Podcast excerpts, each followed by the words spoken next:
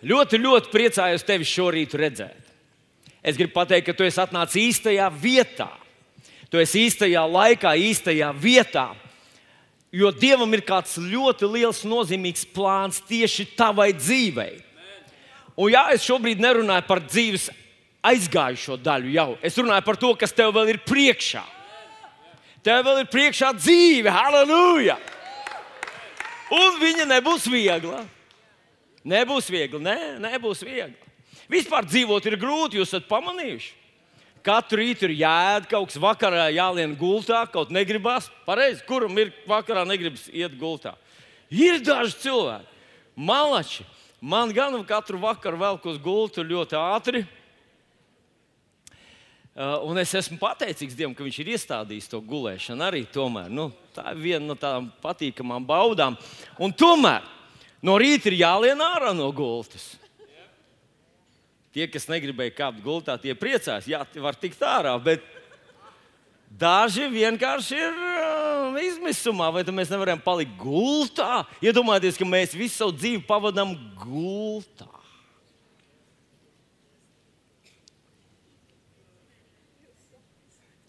Nu, nu labi.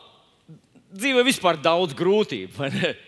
Ir jāmirkšķina visu laiku, visu laiku ir jāēd. Un, kad tu esi labi paēdis, tad es nerunāšu skaļi par tām lietām, kuras tu zini, dari. Tu izliecies, ka tu neko nedari, bet zinu, zinu, ir tā vieta, kur tu noslēpies no visiem. Tu esi labi paēdis, un arī tās ir grūtības. Vai ne? Un tad ir jāiet uz darbu. Kurš priecātos, ja nebūtu nekur jāiet? Ja mēs jau dzīvotu komunismā, atcerieties, kā mums solīja komunismā, būs komunismā. Oh, aizies uz veikalu, paņems visu, ko tev vajag, vai ne? Un mēs paņemsim vairāk nekā mums vajag. Mēs taču esam pieredzējuši cilvēki, jāpaņem vairāk. Un tev nebūs jāstrādā vienīgi tik, cik um, tu gribēsi. Nu, var sakot, būs brīnišķīgs laiks, un tā viņš arī nekad nepienāca. Un kā mēs zinām, arī debesīs būs jāstrādā. Jo mēs esam tādi radīti, ka mums gribas mūsu dzīvē, gribas kaut kādu jēgu. Mēs nevaram vienkārši gultā dzīvot. Es gribētu redzēt cilvēku, kurš nodzīvo gultā vienu gadu. Domāju, ka viņš būs palicis visos, visos aspektos vispār nelietojams. Atrofējies, nerunājot jau par muskultūru, prātu un, un tā tālāk, visām lietām.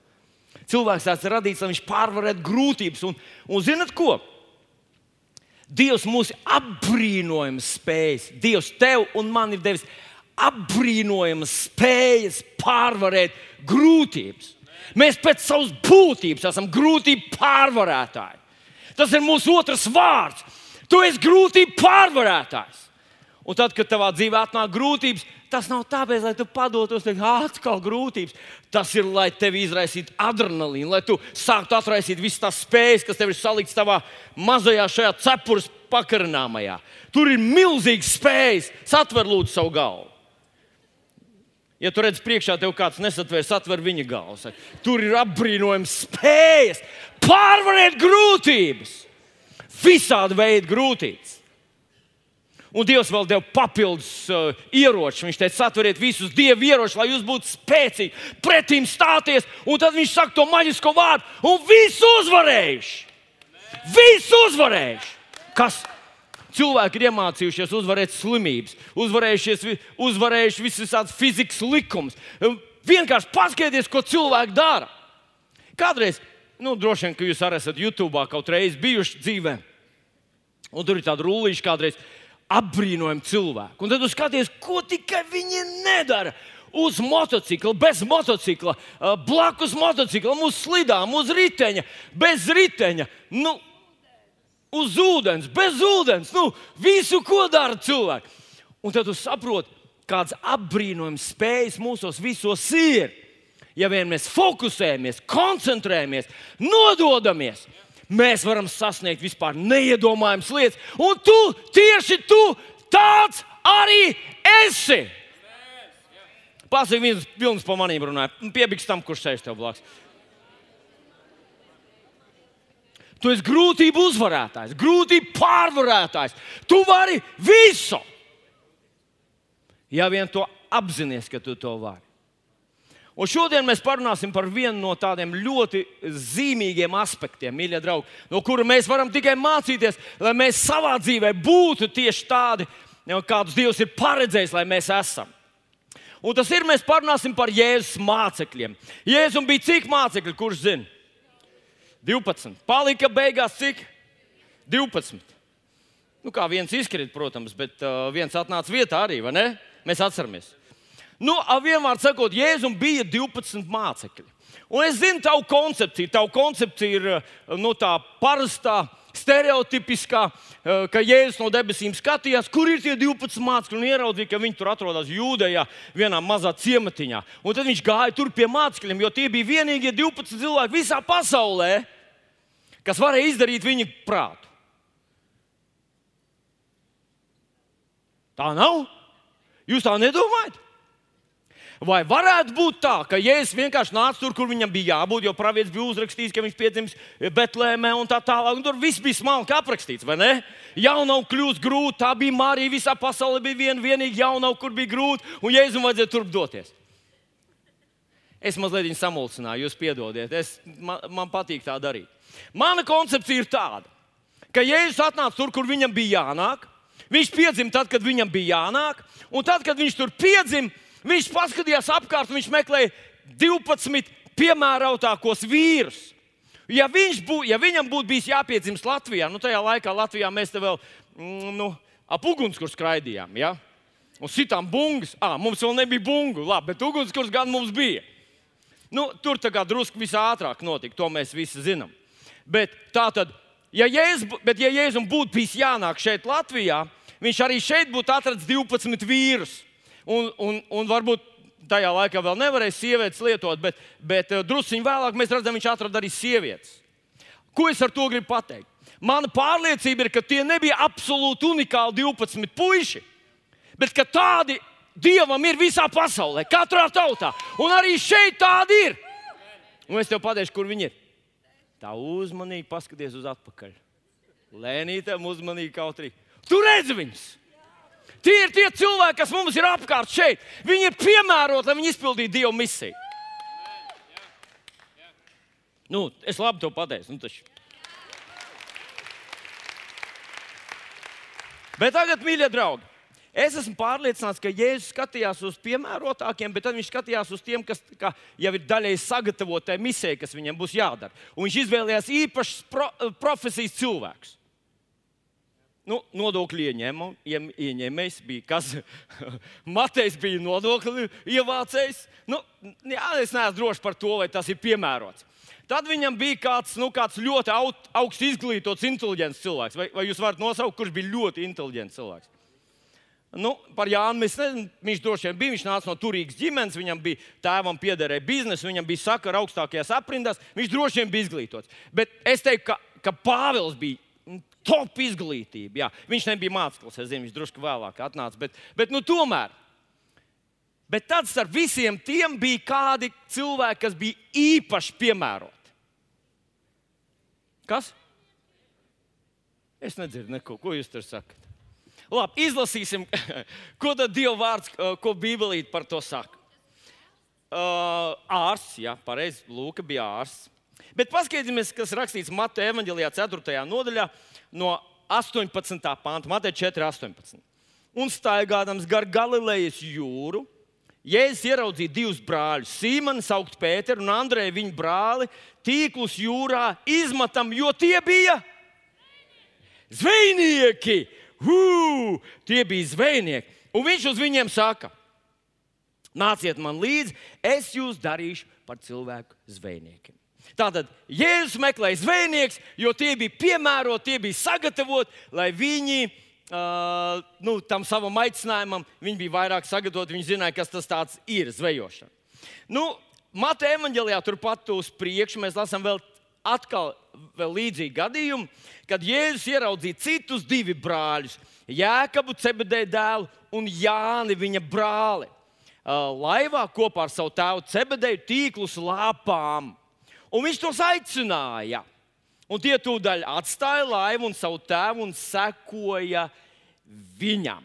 Tātad, nu, vismaz šajā no šiem diviem pantiem mēs konstatējam, ka četri Vismaz četri, es esmu pārliecināts, ka vairāk bija. Vismaz četri bija zvejnieki. Zvejnieki. Nu, kas ir tāds zvejniekam, kas ir tāds, nu, tāds uh, raksturīgs, kas ir tas viņa fokus? Nu, sakiet, lūdzu, palīdziet man. Kas? Ūdens, ah, gaidīšana. Viņi pacietīgi, viņi krūmos iesēžās un, un gaida zīvi. Ja. Ļoti, ļoti pareizi. Nu, kas vēl? Viņam, viņi ir neatlaidīgi, pareizi. Viņiem ir ēsma. Nu, es nezinu, vai zvejniekiem ir ēsma, tie makšķernieki, laikam tas drusku vēlāk nāca. Bet, uh, ko es dzirdu, kaut kas teica, ka ūdens, ja? U, ūdens ir tas viņu fokus. Jūra. Ko? Zīvis. Jā, jūs zināt, kādreiz mēs domājam, ka zvejnieks viņš mīl jūru un tāpēc viņš dodas ūdenī. Bet tie, tā Galilejā tas bija ezers, viņi tikai sauc viņu par jūru. Un ko nu, ja, nu, ja nu tas ir okeāns, kur viņi zvejo, tad, tad jau vairs nav, nu, nav, ūd, nav jūra. Tas ir ūdens, bet santehniķiem arī ir aicinājums ūdens. Nu, tur līdzības ir maz. Un jā, pareizā atbilde ir, ka viņu fokus bija zivis. Zivis, zivju dēļ viņi devās. Uh, nu, nu, un, un tagad mēģināsim, mēģināsim padomāt, ja mēs ar tevi būtu zvejnieki. Nu, kāds tas zvejnieka darbs ir? Cik viegls vai grūts tas ir? Nu, vispirms tas ir ļoti grūts. Jums jātic man uz vārdu. Ja, ja jūs nekad neesat bijis zvejnieks, jūs ir grūti. Un, manuprāt, ir ļoti augsts pašnāvība reitings starp zvejniekiem. Viņi ir tādi nospiesti un depresijos cilvēki, jo jūs man nepiekrītat. Un padomājiet paši ar savu galvu. Vai jūs esat kaut kur redzējuši, ka zvejnieks atnāk ar tīklu pie ūdens un zīvis saka, nu, vai tad tev nesākās darbs desmitos, mums te apnicis mirkt ūdenī, nu atnāc un paņem mūs? Vai jūs esat kaut ko tādu redzējuši? Nē, pamatā visur, visā pasaulē, izņemot vienu vienīgu gadījumu, zīvis no zvejnieka bēg. Viņas nienīst, viņam nepatīk, viņas viņus diskriminē. Un tu vari saģērbties šā vai tā, tu vari mācīties augstskolā, vai vari saģērbties pēc pēdējās modes. Tikko atnāks, lai ķertu zivis, zivis. Ko dara? Bēg. Tāpēc es tā izsacināju, ka zvejnieki acīm redzot, sajūt visu laiku tādu mūžīgo atraidījumu. Visas zivis atraida, ej uz upi, man atraida, ej uz ezeru, man atraida, ej uz jūru, man atraida, ej uz okeānu, man atraida. Vēl šito cepuru nepatīk, nu, nu nekādīgi. Es zivīm izpatikt nevaru, un tomēr viņas ir mans aicinājums. Tātad tas ir tāds grūts darbs. Nu, padomājiet paši, droši vien esat redzējuši. Uh, Ko tikai cilvēki nedara zivju dēļ? Pareizi. Vai jūs esat dzirdējuši, cilvēki ceļās četros no rīta un dodas vēl migla. Visa pilsēta guļ, visa valsts vēl guļ, visi robežsargi un, un, un muitinieki, visi guļ vēl. Bet kāds vīrs, kuram interesē zivis, četros no rīta jau zogās, lielos ne, nesimpātiskos zābakos, vecās biksēs, un kas viņam ir pie sirds nolikts? buļbuļsāģiņa ar ko? Ar dimantiem? Ar tārpiem, pretīgiem. Ja tu viņu ieraudzītu savā šķīvī, tad teiktu, Bet tas vīrs uzmanīgi izvelk to tārpu no savas un ieliek savā buļbuļsāģiņā, lai tārps nenomirst, lai dzīvo ilgi. Jo viņam to tārpu ļoti vajag, lai viņš dabūtu zīvi. Un tad jūs neesat redzējuši pavasarī pavasarī, vēl karš nav sācies, vēl bumbas nekrīt, bet ir cilvēki, kas uz čagana ledus, turpat blakus ir jau viss nokusis, viņi var ielūst. Bet viņš ar mazu tādu pikšķerīti ar kasti lien pie paša ūdens malas. Un, un zināt ko? Es kādreiz domāju, kas viņus dzen? Kas, kaut kur krūmos noteikti sēž spēcvienība un tur viņu uz, graudi. Ja viņš nemakšķerēs, ja viņš nesēdēs tajā riskantajā vietā, nu tad viņi nošaus. Bet nē, neviens viņus nedzen. Viņi iet tur, riskē ar savu dzīvību, zinot to, ka pagājušajā gadā aizpeldēja Baltijas jūrā ledus gabals ar 150 zvejniekiem. Viņi atkal ies, un, kad jūs redzēsiet, pie šī, šī gada pavasarī, viņi atkal tur ies, un valsts brīdinās, neiet, ledus ir bīstams, un viņi ko dara? Kāpēc? Azartiski. zivis viņi grib. Un es kādreiz esmu redzējis, ziniet, Nu, šitā dzīve. Reiz man viens mācītājs uzaicināja, Vilni, ejam, pazvejot, tur paigi, tu ķersies tā, ka tu nespēsi vilkt ārā. Es teicu, labi, ejam. Un tad mēs aizgājām. Viņš bija salasījis tārpus, man, man, man, es ienīstu to tārpu meklēšanu. Pēc tam aiz nagiem viss ir tie, tie tārpi. Tu nevari degunu nošņaukt roku pēc zivīm un nagi pēc tārpiem. Un tad mēs aizgājām tur, sēžam pie dīķa un velkam, un tiešām velkam ārā nu, nu, šitādas zivteles. Vienu pēc otras, vienu pēc otras. Un tajā azartā, nu, tā kā velc un velc un velc un cik un velc. Un pēc tam skaties uz tām mazām zivtelēm, domā, es aiz, aizvedīšu līgai. Viņi taču smiesies trīs nedēļas. Vēl izstāstīja visiem draugiem par to, mācītājs saz, nu, sazvejojas pilnu bludiņu ar ar tādām mailītēm. Zivis, zivis. Bet dažreiz, dažreiz tas, tā vide, kurā tās zivis atrodas, ir bīstama. Un tā, to sauc par jūru. Mēs zinām, jūra ir nemierīga un zvejnieki. Nu, katrā dzimtā laikam ir kaut kādas ziņas par to, ka kāds nav atgriezies mājā, ir aizbraucis zvejā un nav atnācis mājā, jo viņa jūru viņi paņēma. Un ko dara tādā laikā zvejnieki? Zvejnieki staigā gar jūru, skatās uz turieni un izmanto to zinātnisko metodi. Jēzus mācekļiem arī bija tā, ko mēs ar tevi vēl zinām. Iebāž pirkstu un vai kur vējš. Jūs, zināt to metodi. Jūs tā nostājaties, paceļat lapu pirkstu debesis, un jūs skatāties uz to pirkstu. Un, ja pirksts liecās, tad vējš ir liels pirksts liecās, liecās, liecās. Ugh, jūs sakat, vēl nevar iet. Vai ne? Nu, tas ir tas, ko viņš dara, kad vētra ir. Viņš gaida, kad jau varēs. Un, kad ja vēl nevar, tad viņi gatavo savus tīklus, viņi gatavojas tai zvejai. Mēs lasījām, ka cebedēja tēvs ar cebedēju dēliem lāpīja tīklus. Viņi gatavojas. Rīt mēs atkal iesim, šonakt mēs atkal iesim. Mēs iesim zvejot zīves. Nu, sakiet, lūdzu, ko dara zvejnieks, kad viņš nezina, ko darīt? Ko viņš dara? Ko dara zvejnieks, kad viņš nonāca savas dzīves tādā, nu, nezinu, ko darīt? Viss mans atbildes ir beigušās. Ko viņš dara? Es jums izlasīšu no, no Jāņa Evanģelija 21. nodaļas, ko darīja Simons Pēters. Kad Jēzus bija augšām cēlies, bet viņš vēl nebija īsti parādījies. Tur kāds kaut ko bija redzējis. Un viņi tagad nezina, ko mums darīt tālāk. Mēs bijām Kristus mācekļi, tagad viņš ir nomiris.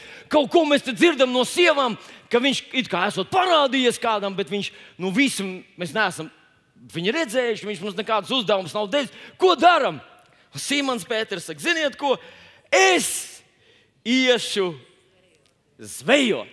Tas ir vienīgais, ko zvejnieks var darīt. Kad viņš nezina, ko darīt, viņš zina, ka viņš vienmēr var iet zvejot. Un Pēters dodas zvejot. Un tad tā ir tā reize, kad viņi visu nakti zvejoja. Paklausies, visu nakti. Ne tikai četros no rīta, viņi aizgāja vakarā un visu nakti zvejoja līdz rītam. No rīta Jēzus stāv jūras malā vai ezera malā, Dženesis ezera malā. Un Piemēram, Lūkas evanģēlijā, 5. nodaļā, lasa tāds vārds, kur Pēters viņam saka, mēs ar mēs cauru nakti esam strādājuši un nenieka nesam dabūjuši. Ieklausieties, visu nakti. Kurš būtu gatavs iet zvejot visu nakti? Viena, viena jauna puiša roka pacēlās. Ugh, tur ir vesela ģimene, laikam, kas ir gatavi doties Kur ir Kaspars? Kaspar, es neredzu tavu roku. Kaspar? Kaut kur es tevi redzēju, bet eh, es neredzu tevi tagad. Labi. Nu, labi. Es zinu, ka viens kaislīgs uh, makšķernieks vien. Kaspar, es, tu biji roku pacels vai nebija? Bija? Bija vai nē? Nu, labi. Labi. Citiem vārdiem, ko tad dara zvejnieks, tad, kad viņš nezina, ko darīt? Viņš iet zvejot. Un tad, kad Pēters viņam saka, kungs, mēs visu nakti zvejojām un neko neesam dabūjuši. Un tad Jēzus saka, iemet tīklu uz manu vārdu, un viņi iemet. Un tad notiek tas brīnums, ka tās zivis visu nakti bija gaidījušas. Kur tu esat? Un kas ir? Vai tu nevari atnākt? No?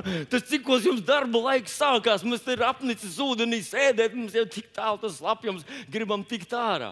Un tad viņas visas salīja, cik vien varēja salīt Pēters tīklā. Un Pēters bija izmisis, viņš bija izbijies, un viņš saka, Jēzum, tāds vārds, kungs, aizēj no manis, es esmu grēcīgs cilvēks. Un tad Jēzus saka šos spēcīgos vārdus. Paklausies, tie vārdi attiecās arī uz tevi un mani. Nebīsties, jo no šī laika tev būs cilvēku zvejot. Hei, zvejot cilvēkus! Es domāju, ka, ka Pēters ļoti konkrēti saprata, ko tas nozīmē zvejot.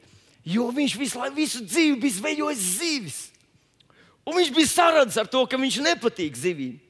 Nezinu, kāpēc viņš nepatīk zivīm, bet viņš viņus zvejo vienalga. Un kādreiz izdevās labāk, kādreiz sliktāk. Bet tad, kad viņš nezināja, ko darīt, viņš devās zvejā, viņš gatavoja savus tīklus, viņš gatavojās tam visam. Viņš zināja, ka tas zivis pašas nelec tīklā, viņas ir jāiet un jādabūna. Un tagad Jēzus viņam saka, ka tu zvejosi cilvēkus. Cilvēkus. Jūs zināt, es esmu par to domājis kādreiz, ka ir tie, tie kaut kur tās attiecības, ka tu nāc ar evaņģēlīju vēst pie cilvēkiem. Un parasti, kad tā ir kāds bildīts, tad parasti viss ir smaidīgi. Bet, kad tu nāc ar evaņģēlīju vēst pie cilvēkiem, tad pamatā viņi nav īsti gatavi tevi satikt. Nav īsti gatavi tevi dzirdēt, nav īsti gatavi uzņemt to tavu brīnišķīgo vēstu. Bet, kad tu saproti, ka tavs aicinājums ir cilvēki, un to Jēzus sacīja visiem saviem mācekļiem, tavs fokus, tavs aicinājums šajā pasaulē ir cilvēki. Cilvēki, ne suņi, ne koki, ne, ne ūdeņi, bet cilvēki cilvēki. Saka, aicinājums cilvēki. Tas ir tas, kam dēļ es šeit esmu. Un man, atnākot pie viņiem, man ir jāsaprot, ka nevienmēr es viņiem patikšu, ka tas ir grūts, smags darbs, ka varbūt, varbūt viņi man atraidīs.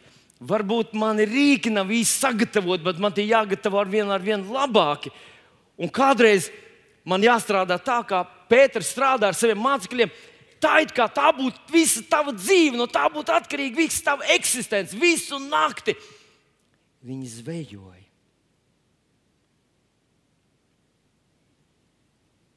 Un tagad, ja tu to apzinājies, ka tu šajā pasaulē esi nolikts cilvēku dēļ, tad katru reizi, kad tu sastopi cilvēku, tev būtu jātiecās pret viņu pavisam īpašā veidā.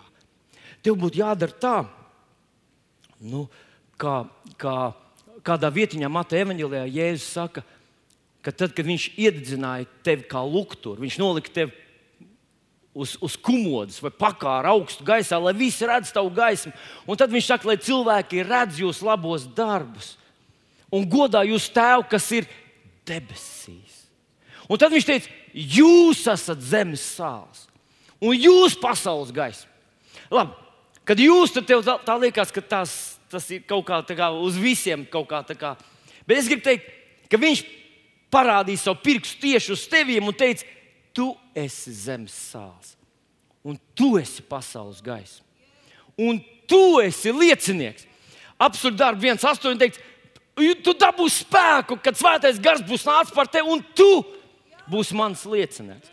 Un tad Mateja evanģēlijas beidzās ar Jēzus vārdiem, kur viņš teica, man ir dot visu vārdu debesīs un virs zemes, tāpēc tu ej un dari par mācekļiem. Tu ej un dari par mācekļiem. Visas tautas kristīdams, tēva, dēla un svētā gara vārdā, tie mācīdams visu, ko es jums esmu pateicis. Jūs zināt, Pagaidiet, Ko tu Vilni, gribi pateikt ar to? Es gribu pateikt, ka, ja tu to nedarīsi, ja tu to neizdarīsi, tad to neizdarīs neviens cits tavā vietā. Ir cilvēki tieši, tieši tev paredzēti. Tās tā kā tās zivis, kas ir tieši tev paredzētas, kas ir tevis dēļ šajā pasaulē. Tie cilvēki, pie kuriem tieši tu esi sūtīts, un neviens cits pie viņiem sūtīts nav. Tā ir tā viņu laime, ka tu esi pie viņiem sūtīts, vai, vai nelaime. Bet fakts ir tāds, tu pie viņiem. Viņi ir tavs fokus, viņi ir tavs aicinājums. Un, ja mācekļi labi saprat, šie, šie zvejnieki labi saprat, ka tas nenozīmē, ka es patikšu. Tas nenozīmē, ka man uzreiz pieņems. Tas nenozīmē, ka būs viegli. Tas nenozīmē, ka tas pats par sevi viss viegli notiksies. Tas būs smagi, ilgi un, un grūti. Bet tas ir tas, kas man jādara. Tad tu saproti, ka tu nevari katru savu tikšanos ar cilvēku. Tu izmantosi centīsies izmantot no visas savas sirds un tā, lai viņu padarītu par mācekli. Tā, lai viņā kaut kas paliktu tāds, kaut kas āķim līdzīgs, tā, lai viņš par tevi padomātu, tā, lai viņš par tevi, nu, lai viņš tevi atcerētos, lai viņam patiktu kaut kas pie tevis, lai viņam gribētos lēkt tavā laivā, tajā laivā, kurā tu esi. Es jums pastāstīšu tādu mazu pieredzi no, no, no uh, savām studiju gaitām. Es mācījos universitātē, teoloģijas fakultātē. Es biju krietni vecāks par visiem saviem studentiem, uh, kas, ka, visiem saviem kolēģiem, studentiem. Un tie jaunie puiši viņi, un meitenes viņi tā īsti no dzīves vēl neko nesaprata. Viņi vienkārši bija pabeiguši vidusskolu, nonākuši augstskolā un gribēja mācīties teoloģiju. Daži bija ticīgi, un daži tieši pretēji bija neticīgi un centās tās studijas izmantot, lai pierādītu to savu viedokli. Bet bija viens, viena viens īpašs lekciju kurs, kurā visiem šķita nāvīgi garlaicīgi. Bet kredītpunkts par to kursu deva diezgan daudz. Un tā nu mēs sasēdāmies, mēs bijām neliela grupa, apmēram 12 cilvēki. Mēs sasēdāmies tādā improvizētā auditorijā, un pasniedzējs tur atstās, ats, atnāca. Un sa, viņš bija pasniedzējs, viens no man liekas, labākajiem pasniedzējiem Latvijā savā jomā. Viņš bija, viņam bija tik daudz materiālu, viņam bija tik daudz faktu, tik daudz viņš, viņš bija pats sakrājis, izpētījis, uzzinājis. Un faktiski, kā viņš iesāka tos 90 minūtes, viņš elpu nereiz neievilka. Ja? Viņš runāja un runāja. Un, runāja. un mani kursu biedri, mani kursu biedri atklāti, jā, toreiz vēl nebija smartphone, bet tā nosēdās un aizvēra acis Nu, un tas gāja no lekcijas uz lekciju. Jūs zināt, universitātē nevienam pa pirkstiem nesit, un nevienu pie kārtības nesauc. Tur katrs par sevi atbild, tu esi students un tā tālāk. Bet es sapratu, kāda bagātība šis pasniedzējs ir. Un es centos klausīties, uzdot viņam jautājumus, un tā tālāk. Man tiešām tā tēma interesē.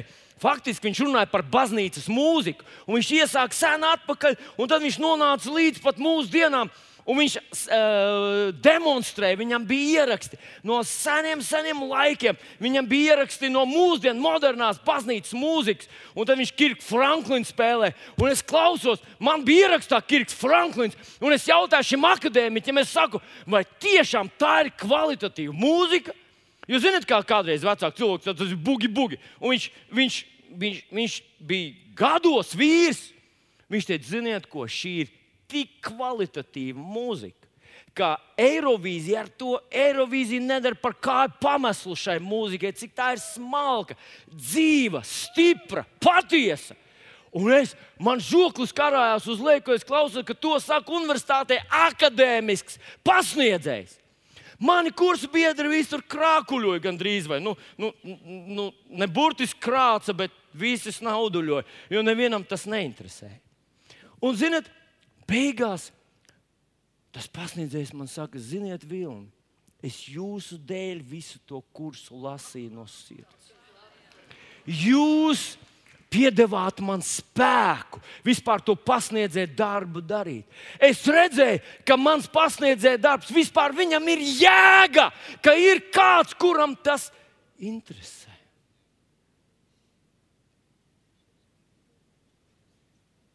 Mīļie draugi, es parasti runāju no tās otras puses, jo tas ir skolotājs un tev ir skolnieki.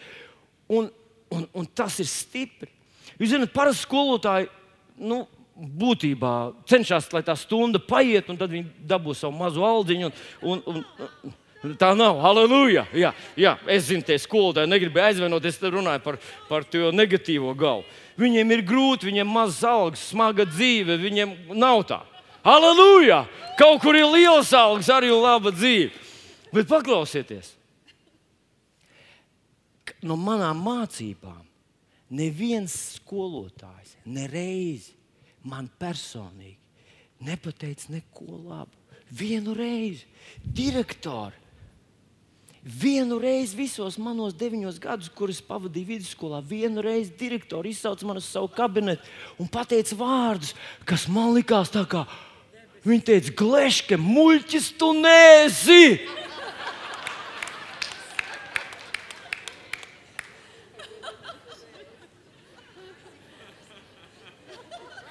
Es klausījos, jo līdz šim likās, ka pasniedzēji parasti nostādīja jūs, ko tu neko neatceries. Formulas tu neatceries, to tu neatceries, skolā tu nebija un tā tālāk. Nu, Viņi neteica burtiski vārdiem. Ja? Bet visa tā atmosfēra bija tāda, neko daudz no tevis es negaidu. Un tad pēkšņi direktors saka, Gleške, muļķis, tu nēsi!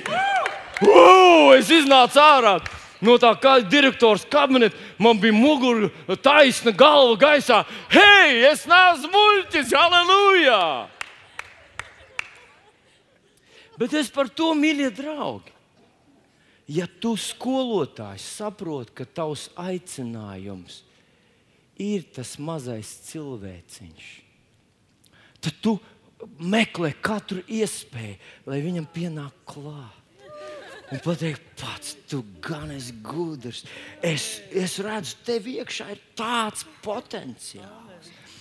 Tu paklausies, varbūt dažreiz dārgakmeņus ilgāk jāslīpē. Ar kartupeļiem ļoti ātri, džik, džik, džik, viņi ir gatavi. Ar dārgakmeņiem ilgāk, bet tev tas ir. Un, zinot, ja tu saproti, ka tev viņi jāpadara par mācekli, tu aizej uz skolu un tu šodien domā, Dievs, kurš tas ir, kuram es varu pieskarties? Kurš tas ir un tās nepaklausīgās klases, kur visi skatās savos telefonos, neviens man neklausās. Kurš tas ir viens, kuram šodien es varu palūgt viņu palikt pēc stundām? Varbūt vislielākais delvers, varbūt tas, kuram vismazāk mājās ir ticis mīlestības un ticības un labu vārdu, un tāpēc viņš iekšā plosās, un tāpēc viņš uz āru plosās. Un ja tu viņam pieskarsies ar šo svētības, mīlestības pieskārienu tam vienam puikiņam. Viņš tev atcerēsies uz mūžu. Viņš atcerēsies visu mūžu, ka bija viens skolotājs. Viņas priekšmets man nepadevās, bet viņa teica, ka man ir laba sirds, ka man ir gudra galva, ka man jau nu gan izdosies. Un zinat ko? Es saku to no savas pieredzes, ka savā dzīvē reizēm man iznāca kaut kas tamlīdzīgs ar kādu pedagogu. Un tad tajā stundā es vienalga neuzvedos kā vajag. Bet zinot, kas bija mainījies? Mans sirdsapziņa man apsūdzēja. Un es sev teicu, Vilni, tu tā nedrīkst. Tā ne, ne viņas stundā. Tu tā nevari darīt. Viņa ir īpaša. Un es varu par to, ka nevienmēr uzreiz spēks tam bērnam izmainīties uz sitienu. Bet tavs mīlestības pieskāriens paliks ar viņu un dzīvos ar viņu un aizies ar viņu līdz pat galam. Ja tavs fokus ir cilvēks, cilvēks, ja tu esi ierēdnis un pie tevis atnāk kāds un saka, vot, man vajag tur šito un to. Un tu vari vienkārši paskatīties uz viņa anketu, kur viņš diletants nav mācījis atšķirt rindiņu no rindiņas un pateikt, aizpildiet anketu pa priekšu pareizi. Un tad pēc mēneša pierakstieties un izperdelēt viņu ārā. Un tu būsi rīkojies pēc instrukcijas. Bet ja tu saproti, ka tavs fokus ir cilvēks, un tagad tas cilvēks sēž tavā priekšā, Hū, ierēģi, jums ir milzu vārā! pieskarties ar mazu līdzjūtību, ar mazu mīlestību un, un iejūtību, pieskarties tam cilvēciņam. Ja jūs vēl pateiksiet, ka jūs vēlaties, lai viņam viss izdodas, jūs lūgsiet Dievu par viņu, lai viņš dabūtu to savu pabalstu vai ko viņam tur vajag, viņš izies ārā. Nofotografēs tā kabineta durvis un jūsu uzvārdu. Un turpmāk viņš ies pa visu to iestādi un meklēs, kur ir tā plāksnīte ar jūsu uzvārdu. Viņš jūs dievinās, viņš jūs mīlēs, viņš par jums stāstīs visiem, ka ne visi ierēģi nav vienādi. Jūs būsiet pieskāries viņam ar dievu mīlestību, un tas būs uz dzīvi. Jūs būsiet viņu tā kā ar āķīti aizķēris. Ja fokus ir cilvēks tad kur ar to ar viņiem nesaskartos? Ziniet, kaut kā tā ir sagadījies, ka mēs latvieši esam vienpatņi. Bet tas nav no Dieva. No Dieva ir, kur divi vai trīs ir vienā prātā. Nākat kopā, nākat kopā, nākat kopā, runājiet, sviniet, raudiet, nākat kopā grūtībās, nākat kopā priekos, nākat kopā, nākat kopā, tusējiet, nākat kopā, lūdziet. Nu, nākat kopā. Kopā jūs varat izdarīt tik daudz. Es esmu pārliecināts, jūs zināt, kaut kā. Kaut kur ir, ir tāds, ziniet, ka nē, labāk trīs mazas draudzītas nekā viena liela. Un tad es lasu godu krēslu priekšā. Ir pūlis, kuru nevar saskaitīt. Tu pazudīsi tur tajā masā. Bet tu būsi laimīgs, ka tu tur esi. Jo tā būs svētīto masa, glābto masa, mīlošo masu, Dieva bērnu masa. Spēks tajā būs, jo pats kungs būs pa vidu. Šodien es gribu tev atgādināt un pateikt, Vienalga, vai tu esi uzņēmējs vai bezdarbnieks. Vienalga, vai tu esi jauns un, un, un, un mācies skolā, vai tu esi pasniedzējs, kas māca. Jēzus teica toreiz saviem mācekļiem, tavs fokus, tava misija ir cilvēki. Neskrien viņiem garām. Ieklausies, ko svētais gars tev saka, ka tu satiecies ar kādu. Tā ir tā reize Ziniet, sen atpakaļ es pazinu vienu tālbraucēju vīru. Viņš bija kaislīgs makšķernieks, kaislīgs nu, zivju ķērājs. Un viņš man stāstīja tādu lietu, ka viņš, kad viņš brauc tālajos braucienos uz Krieviju, tas vēl bija padomu laikos, tad viņš teica, es divas diennakts nobraucu bez apstāšanās. Varat stādīties priekšā bez apstāšanās divas diennakts, lai pēc tam var pusdienu pasēdēt pie ezera ar savu nu, badu pātagu, ar makšķeri. Un tu saproti, ja cilvēki var kaut ko tādu darīt zivtiņu dēļ, tad, ja mans aicinājums ir cilvēki, tad tas ir.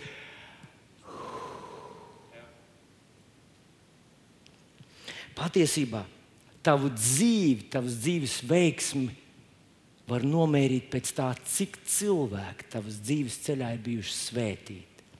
Ne pēc naudas, ne pēc mašīnas, ne pēc mājas, ne pēc tavas izglītības certifikāta, bet pēc tā, cik cilvēkus tu savā dzīvē esi padarījis par mācekļiem, par Kristus mācekļiem. Un Man ir trīs tādi principi, pēc kuriem zveju, uh, dzīvo zveju, uh, cilvēku zvejnieks. Un šos trīs principus es gribu jums atstāt šovakar, šorīt, piedodiet, un gribu, lai jūs ļoti gribētu, lai jūs pieliekaties tieši pie viņiem. Es centīšos viņiem ātri izskriet cauri, bet es uh, ticu, ka viņi ir svarīgi, viņus, lai jums viņus atgādinātu. Tas pirmais princips ir dzīvo ticībā. Uh, 2. korintiešiem 5, 7. apelsīns Pāvils saka, jo mēs, mēs dzīvojam ticībā un ne skatīšanā. Skatīšana ir tas, ko mēs jūtam, tās ir tās emocijas. Un kādreiz tieši mūsu cilvēku glābšanas un cilvēku zvejošanas tajā procesā emocijas un tas, ko mēs redzam, ir negatīvi, bet ticība ir pozitīva.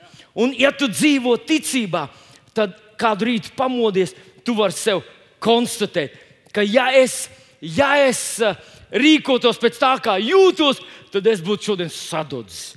Eh, diena nekāda, eh, pienākumi ir tie paši, spogulis palicis vecāks, sajūtas nekādas. Bet, ja tu dzīvo ticībā, tad ko tu sāc darīt? Kas ir tas, ko tu dari, kad tu ticībā dari? Ko tu sāc ar pateicību? O, paldies tev par jaundienu! O, paldies tev par glābšanu! O, paldies tev, ka mans labākās dienas ir man priekšā! O, paldies tev, ka šodien tu esi ar mani! O, paldies tev, paldies tev, paldies tev, paldies par šito, par šito! Un tu slavē, un tad pielūdzu, un skaties, vakars pienāca. Halleluja! Tu esi nodzīvojis ticībā. Atšķirība ir milzīga. Ja tu dzīvo uh, ticībā, tu esi galva tu ietekmē procesu. Ja tu dzīvo skatīšanā, tu vienkārši, uh, vienkārši esi aste. Tu vienkārši kādam sako, tu vienkārši konstatē, kas notiek. Ticība izvēlas dzīves ceļu. Uh, skatīšana un sajūta vienkārši seko kādam, kurš to ir izdarījis tavā vietā. Un tāpēc tu dzīvo ticībā, tu dzīvo ticībā. Un, zinat, vēl viena lietiņa, ko mūsdienu pasaulē, kur vis, vis, kas ir populārā tēma šodien? Veselīgs dzīvesveids. Kas jādara, lai es būtu vesels, vesels, vesels, vesels, vesels, vesels, vesels. Es gribu vesels. Ir semināri par veselīgu dzīvesveidu, par veselīgu ēšanu, veselīgu, veselīgas kustības, veselīgu elpošanu, veselīgu gulēšanu, veselīgu nekā nedarīšanu. Kas ir jādara? Un vienmēr cilvēks skries, jo mēs gribam būt veseli, mēs gribam labi justies. Bet zinot ko? Tā, tās dažreiz, kad tu ies ar Dievu, tad tu jutīsies slikti, un kad ies bez Dieva, jutīsies labi. Es zinu, ka es pateicu kaut ko tādu biedējošu, varbūt kādam, bet mēģiniet atcerēties Izraēlu tūkstnesī.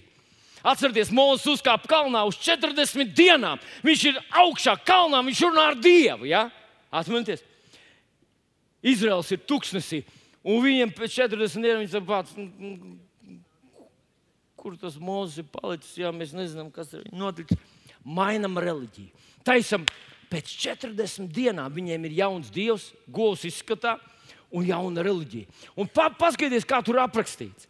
Viņi apsēdās ēst un dzert, pēc tam piecēlās un sāka dejot. Mārtiņ, tu atceries vēl ebreju dejas? Kādreiz mēs to ebreju dejas, viss ir brīnums. Nu, ķeries man klāt. Pagaid, uz otru pusi. Šitā. Un mums tad jālec. Apājalle, ura, ura, him. Oh, jā, nu kaut ko tādu, tam līdzīgi. Paldies. Es vienkārši palīdzēju Mārtiņam, es baidījos, ka viņš neaizmiega un nenokrīt no, no krēsla. Piedod, es pajokoju. Bet padomājiet, un tagad nāk Mozus, kurš 40 dienas bija aplēmojušā Dieva tūmā. Un kāds viņš izskatās? Viņš ir dusmīgs, viņš ir tik dusmīgs, ka viņš tās plāksnes sadauza. Un tad viņš sadauza to dievu, kurš šie nu pat visi līksmoja un gavilēja, ka dievs taču ir tāds. Viņš ir nikns, mūzus. Un tie cilvēki jau tur. Vai tikko mēs bijām priecīgi? Mēs visi dziedājām un līksmām, labi jutāmies. Un paskatieties, kas atnāca no Dieva vēstnes, dusmīgs. Viņi pēkšņi slikti jutās. Bet ziniet, ko? Patiesība dažreiz ir ļoti, ļoti rūkta. Bet viņa dziedina, piedodiet, viņa atbrīvo. Un tāpēc ticībā dzīvot dažreiz ir grūti. Un vienkārši miesā laist līdz kapam, šad tad ir vieglāk. Tāda dzīvo ticībā, mīļais draugs. Otra lieta, ko es gribu tev pateikt, kāds ir princips, dzīvo vārdā. Vārdā. Jā, kā kāds teica, kas jums ir? Jūs ejat visu dzīvi uz vienu vietu, lasat visu dzīvi vienu grāmatu un dziedat visas tās pašas dziesmas visu dzīvi.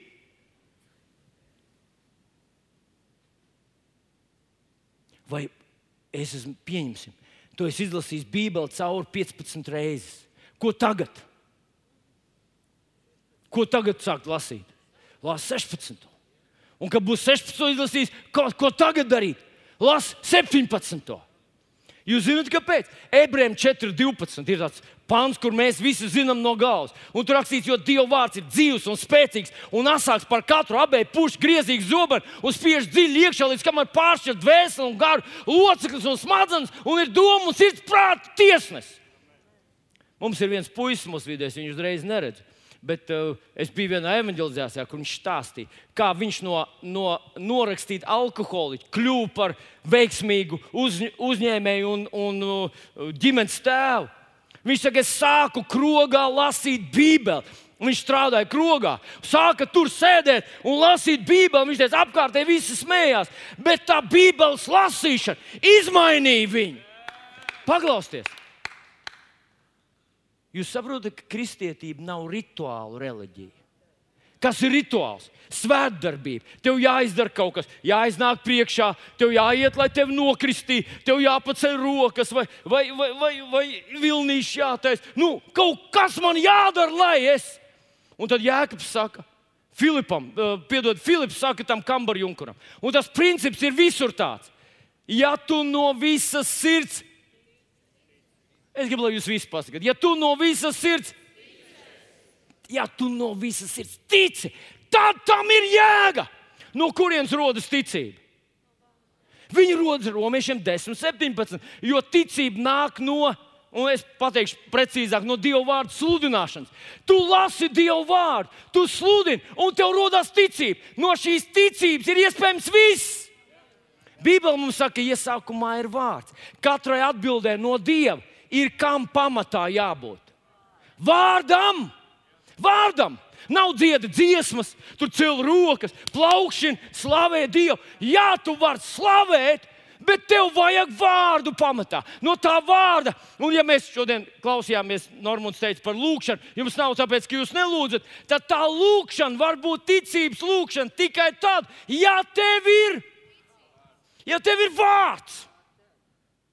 Ticība ir tava rīcība, pozitīva rīcība uz vārdu. Tev ir vārds, tev ir ticība, viss ir iespējams. Bet, ja tev nav vārda, un tu vienkārši centies sekot visiem rituāliem, tad, ne, tad jums nav, tāpēc, ka jums nav vārda. Dzīvo vārdā, lasi Bībeli, centies to atcerēties, mācies no galvas. Tas, nu kā, kā viņš saka, tas būs vārds, kas dziedina, tas būs viss kas tavā dzīvē ir vajadzīgs. Un pēdējais princips. Jūs esat gatavi pēdējam? Kurš vairs nav nedzird mani? Kurš jau vairs man nedzird, jau peld, jau mazliet. Uh, jā, jums jānāk priekšā padejosim vienu, vienu dēļ. Kas vairs nedzird? Aha, labi, neviens negrib dejot. Nu, labi. Pēdējais princips ir Māte Evanģelijas 6.33. Dzenaties pa priekšu pēc Dieva valstības un pēc viņa taisnības, tad jums visas šīs lietas taps piemestas. Dzenoties pa priekšu, pirmkārt, svarīgākā lieta, prioritāte jūsu dzīvē ir kas? Jūs zināt, es pateikšu godīgi, kā tas dažreiz ir. Man vajag dziedināšanu, es esmu parādos, man ir ģimenes problēmas.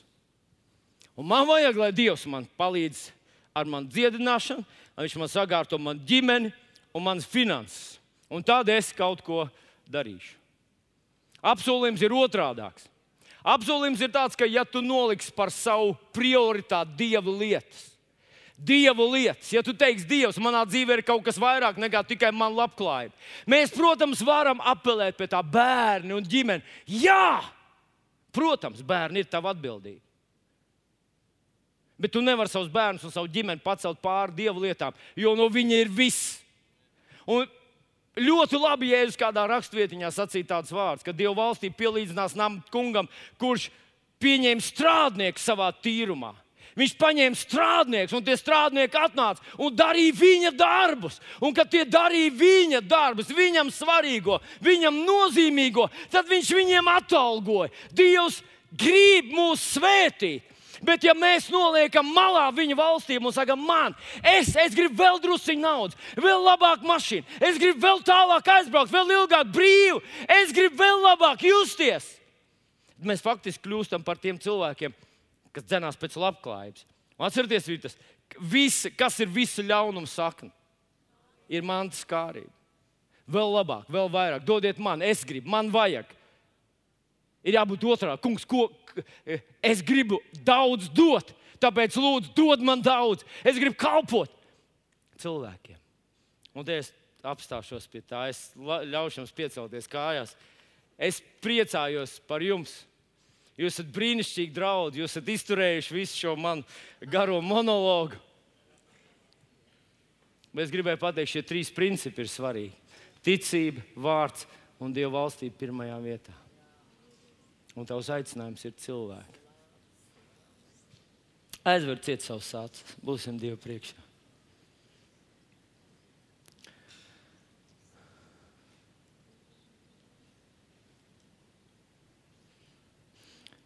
Kungs, mums dažreiz liekas, ka mēs esam parasti cilvēki.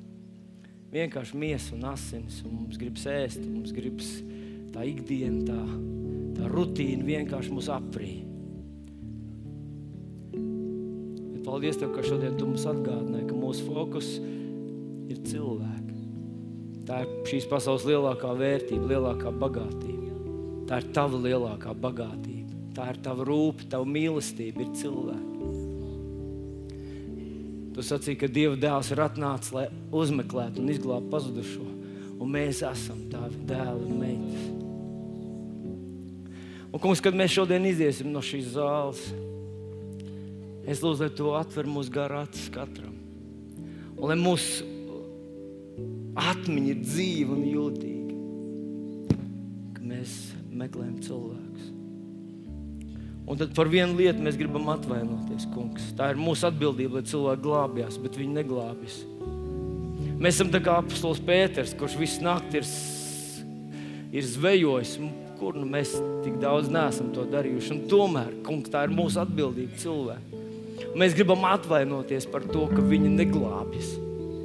Mēs gribam atvainoties, ka neesam sagatavojuši savus tīklus, neesam sagatavojuši savus, savus, savus instrumentus, lai mēs uzrunātu cilvēkus. Mēs gribam atvainoties, ka esam gājuši viņam garām kā tādiem stabiem, neapzinoties, ka tas bija mūsu uzdevums un mūsu misija viņam pieskarties ar mīlestību un padarīt viņus par mācekļiem. Pazak līdzi ar mani. Tas ir mans uzdevums un mana misija. Padarīt par mācekļiem cilvēkus. cilvēkus. Mans aicinājums ir cilvēki. Mans uzdevums ir cilvēki. Es mīlu cilvēkus. Ja cilvēki riskē zivju dēļ, es gribu riskēt cilvēku dēļ. Ja cilvēks strādā visu nakti dzīvju dēļ, es gribu to darīt cilvēku dēļ. Cilvēki. Ieliec mūsu krūtīs, kungs, šo apziņu. Ieliec mums šo atklāsmu, cik dārgi cilvēki ir tev. Un paldies tev, ka mēs varam redzēt atmodu Mēs varam staigāt ticībā. Paldies, Tev, ka mēs esam pašu Dievu sūtņu pārstāvji šeit virs zemes. Paldies, Tev, ka mūsu liecība strādā, ka mūsu vārdi strādā, kad mēs dalāmies ar vārdiem, tie strādā. Paldies, Tev! Paldies, Tev, kungs! Paldies Tev par Tavu vārdu! Paldies, Tev, kungs, ka mums rūp Tavu valstību! Halleluja! Halleluja!